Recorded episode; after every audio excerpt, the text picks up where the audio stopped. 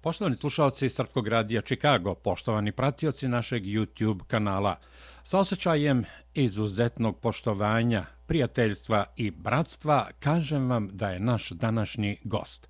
Andrija Mandić, predsjednik Nove Srpske demokratije, jedan od čelnika Demokratskog fronta, kandidat za predsjednika Crne Gore na izborima koji će biti održani 19. marta. Dragi Andrija, brate i prijatelju, pomaže Bog i dobro veče, dobro došao na talase Srpskog radija Chicago. Bog pomogao, gospodine Ravasi, pozdravljam vas i vaše slušalce. Hvala. Dakle, predsjednički izbori u Crnoj Gori 19. marta, vi ste jedan od kandidata. Na suprotnoj strani Milo Đukanović koji se kandidovao u ime Demokratske partije socijalista, ima još nekoliko kandidata, ali ovo je vrlo važno. Dakle, šta je vaš predsjednički program kada je u pitanju unutrašnja politika i spoljna politika? Pa režim Mila Đukanovića je poražen na izborima 2020. godine i to je bio, bilo ona ključna pobjeda koja je omogućila da možemo da smatramo da je Crna Gora krenula jednim drugim putem ono što se desilo nakon toga, a to prvenstveno mislim na lokalne izbore koji su održani u Crnoj Gori, potvrdila se snaga naroda da on želi promjene i mi smo preuzeli vlast u gotovo svim opštinama u Crnoj Gori od Budve do Pljevalja. Osvojili smo i Podgoricu i Nikšić i Danilovgrad. Dakle, možda je par opština svega ostalo da neki utica ima Demokratska partija socijalista Milo Đukanovića i u tom čišćenju tih političkih džepova od strane starog režima preostali su još predsjednički izbori. Ja sam više nego uvjeren da će 19. marta i uh, se odnijeti velika podbjeda nad Milo Đukanovićem i da će ta posljednja uh, to posljednje uporište te stare retrogradne, retrogradne politike, politike koju je, koja je duboko dijelila Crnu Goru, da će se to završiti. Dakle, ključna pobjeda je bila 2020. godine, sada nam predstoji važna stvar i to je suština mog predsjedničkog programa izbornog, to je da se Crna Gora pomiri. Mi smo imali E, punih 25 godina od 97. do današnjih dana e, politiku koja je dijelila Crnu Goru po raznim šalovima. Sad da se u prvi put stvaraju uslovi da može narod Crne Gore da se pomiri, ja duboko e, vjerujem u to, radim u tom pravcu, mi nećemo kao nova vlast i to u ove prethodne dvije godine nijesmo ni činili, E, nećemo raditi ono što je radio režim Ila Đukanovića, da onoga koje je poražen na izborima, da ga maltretiramo, da ga ponižavamo, da ga diskriminišemo, nego ćemo prosto ljudima koji su glasali za DPS, koja su naša braća, da ih da pođemo prema njima i krenuli smo i da im kažemo vi ste naša braća, hajde da se pomiri.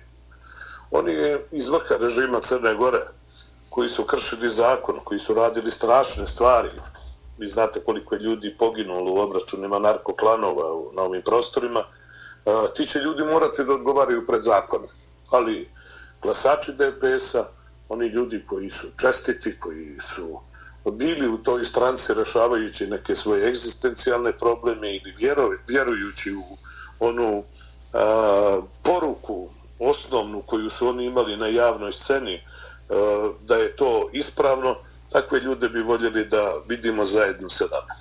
Ono što e, je važno za male države, poput Crne Gore, u ovako teškim i turbulentnim vremenima, kada na istoku Evrope bijesni rat i kada je očigledno da taj rat može da izađe iz onih okvira e, dvije sukobljene države, da može da zahvati čitavu Evropu o, naša je obaveza kao male države koja ne može uticati ni na jedan globalni proces da pronađemo snage, da svi radimo zajedno na dobro ove zemlje i na dobro ovih ljudi. O, ekonomija je tačka koja nas u potpunosti spaja.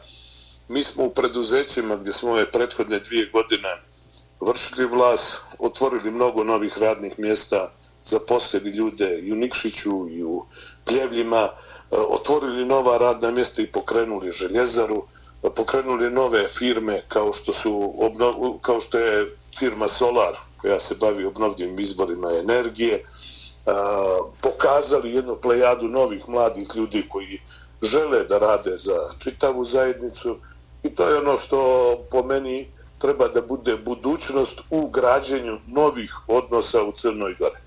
Svakako da treba popraviti u našoj administraciji i pravosuđe i vlada da pravilno funkcioniše.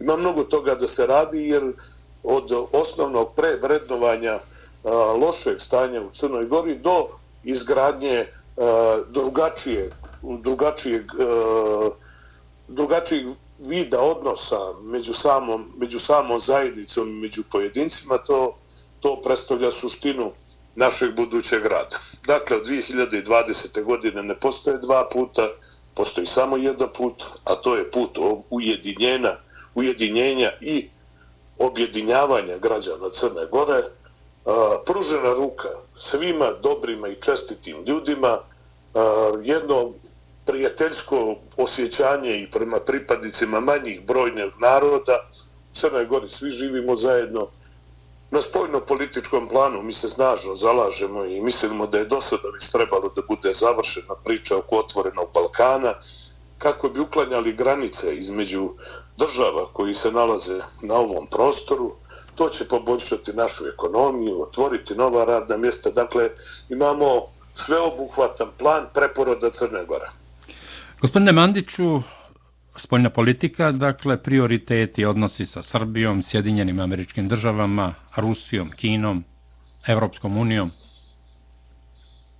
Naš cilj je da e, Crna Gora uđe u Evropsku uniju. Prosto mi se nalazimo na toj poziciji da nemamo nekog alternativnog puta osim e, ujedinjenja e, sa zemljama koje dijele slične vrijednosti. I u Crnoj Gori je podrška tom spoljno-političkom prioritetu viša od dvotrećinske. Dakle, snažno se zalažemo za učlanjenje u Evropsku uniju, a mislimo da je jedan mini test na tom putu ujedinjenja Evrope, ujedinjenje u okviru regiona. To je popravljanje odnosa sa Srbijom. Odnose sa Srbijom nisu dobri. Mi mislimo da odnose Crne Gore i Srbije treba da budu najbolji mogući. Svakako da gradim odnose i sa drugim komšijama. To su, kažem, za nas poljnopolitički prioritete. prioriteti. Što se tiče drugih velikih država, naš glas države koja ima 600.000 stanovnika, svjesni smo da u igri velikih e, ne znači mnogo. Zato tako da bi bilo najpametnije da se mi posvetimo našim problemima koji postoje u Crnoj Gori i da gradimo naše zajedništvo. A te e, sukobe, rasprave, traženje rešenja, to će veliki uraditi bez Crne Gore. A razumem. A, gospodine Mandiću, nastupate na predsjedničkim izborima koji su zakazani, kao što rekao, za 19. mart po sloganom Gradimo budućnost, čuvajmo tradiciju Andrija Mandić za predsjednika Crne Gore. Očekuje se da ćete ući u drugi krug zajedno sa Milom Đukanovićem. Na drugoj strani, dakle, Milo Đukanović, više decenijski a, tad predsjednik, premijer, ne znam već šta nije, da, da mnogo ne govorimo o njemu, sve se već zna ko je, šta je i kakav je, ali uh, kandidovali su se i Aleksa Bečić ispred demokrata Crne Gore, Jakov Milatović ispred Evrope Sad, Goran Danilović i Draginja Vuksanović, čini mi se. Ako uđete u drugi krug, pretpostavlja se da će na suprotnoj strani biti Milo Đukanović, Da li ćete imati podršku drugih kandidata koji će biti gubitnici ili neće proći u drugi krug kao što je Jakov Milatović, Aleksa Bečić, danas je Milan Knežević pozvao i demokrate i pokret Evropa sad da saopšte da li će u drugom krugu podržati vas ili eventualno Mila Đukanovića. Pa mi smo 25 godina izdržali tu najtežu bitku protiv režima Mila Đukanovića i negdje smo braneći našu zajednicu uspjeli da očuvamo temeljne vrijednosti na kojima je počivala Crna Gora. Dakle, nismo u toj bici kao opozicija ni poklet. Da, govori Andrija Mandić, imamo mali prekid Andrija Mandića, koliko sam razumeo, u Pljevljima. Dakle, evo malog prekida, pokušat ćemo da uspostavimo vezu ponovo. Govori Andrija Mandić, predsjednik Nove Srpske demokratije, jedan od čelnika Demokratskog fronta, kandidat za predsjednika Crne Gore. Da, evo nastavite, gospodine Mandiću. Ja očekujem da će svi podržati onog kandidata koji uđe u drugi krug. Nema nikakve sumnje da ću dobiti ja, ali ja sam spreman da potpišem dokument sa svim drugim kandidatima, osim sa kandidatom DPS-a i kandidatom SDP-a, da ću ih podržati ako uđu u drugi krug i da, će, i da ću predano raditi u tom drugom krugu da se pobijedi Milo Đukanović. Ono što očekujem od kolega koji učestvuju na ovim izborima da postupe slično. To je dobra poruka, ali ako ne postupe slično, e, ja se najviše pouzdam u narod neće narod ostati kuće nezavisno od toga šta će im reći njihov predstavnik. Narod želi da bude pobijeđen Milo Đukanović i narod će glasati za onoga ko ima najviše šanse da ga pobijedi. Nekako i ljudska i Božija pravda da oni koji su nosili bitku protiv Milo Đukanovića, koji su uh, predvodili pokret narodnog otpora, da na kraju i ti ljudi tu veliku pobjedu dovedu do kraja. Mm, neki mlađi ljudi, imaju vremena da to odrade. Pogotovo što bih e, zbog e, njihovog odsustva iz politike, iz političkog života, ponekad bio i zabrinut kako bi se oni u drugom krugu e, ponijeli prema, odnosili u to sudaru sa Milom Đukanovićem, uzimajući njihovo neiskustvo, uzimajući godine u obzir, uzimajući uh, nedostatak te borbenosti koju smo mi nosili svih ovih godina, bojim, bojim se da bi se neki isrušili u toj borbi. Gospodine Mandiću, evo i za kraj, a, slušaju nas u Čikagu i okolini, slušaju nas u Sjedinjenim američkim državama, Ovde žive i crnogorci, i srbi, i bošnjaci, i albanci sa prostora Crne Gore. Kakva je poruka za njih?